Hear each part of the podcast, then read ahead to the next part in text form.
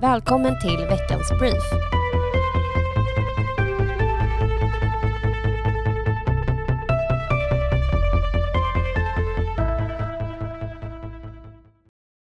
Hej och välkommen till veckans avsnitt av Stockholmpodden och veckans brief om helgens Sverigemöte i Karlstad.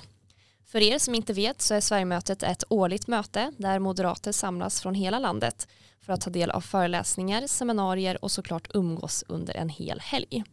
Det var en fullspäckad och fantastiskt rolig helg. Och vad häftig känsla det var att se hela 1400 moderater samlade på ett och samma ställe. Det kändes riktigt mäktigt att se alla kloka och drivna personer som alla arbetar för Sveriges bästa samlade i den stora salen. Ja, och det var verkligen en otrolig stämning hela helgen med massor av glädje och inspiration. Det är alltid lika roligt att träffa likasinnande från hela landet och det ger så himla viktiga perspektiv. Ja men verkligen. Och det var ju som sagt en hel del föreläsningar, workshops och seminarier. Och, men tyvärr hade man ju inte möjlighet att gå på alla. Men vilka var du på Disa?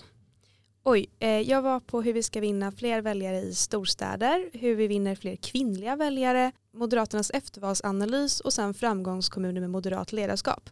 Du var ju också på det första om storstadsväljare, men vilka mer var du på? Ja, men jag var faktiskt själv föreläsare på ett pass där jag pratade om hur man kampanjar digitalt, där jag berättade om hur vi arbetade med eh, hela fastighetsskattekampanjen och vår digitala valstuga, som faktiskt var Sveriges första digitala valstuga. Men sen var jag också på ekonomisk politik i en svår tid, vilket kändes väldigt aktuellt just nu. Och sen moderata framgångsfaktorer där jag hejade på Mikaela Fletcher som är KSO i Österåkers kommun där jag själv är aktiv som förtroendevald.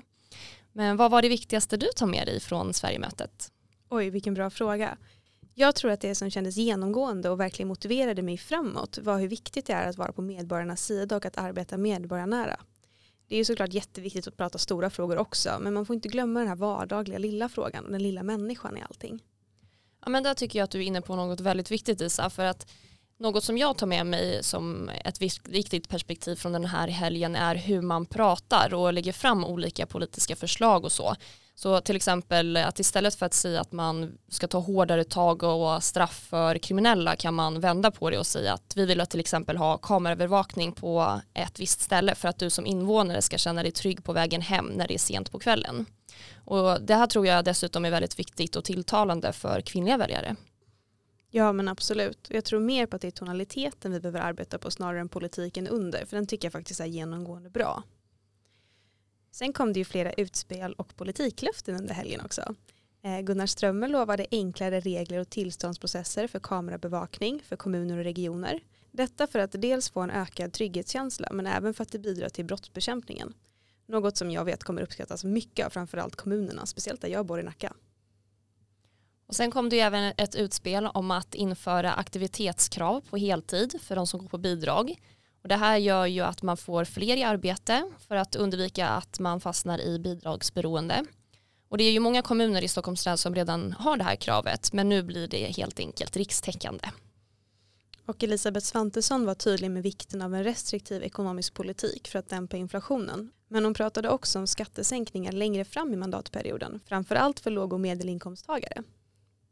Och sen avslutades ju helgen med tal från vår partiledare och Sveriges statsminister Ulf Kristersson. Som i sitt tal hade ledorden säkrare, grönare och friare. Han sa att när vi möter väljarna inför nästa val så ska Sverige vara just säkrare, grönare och friare.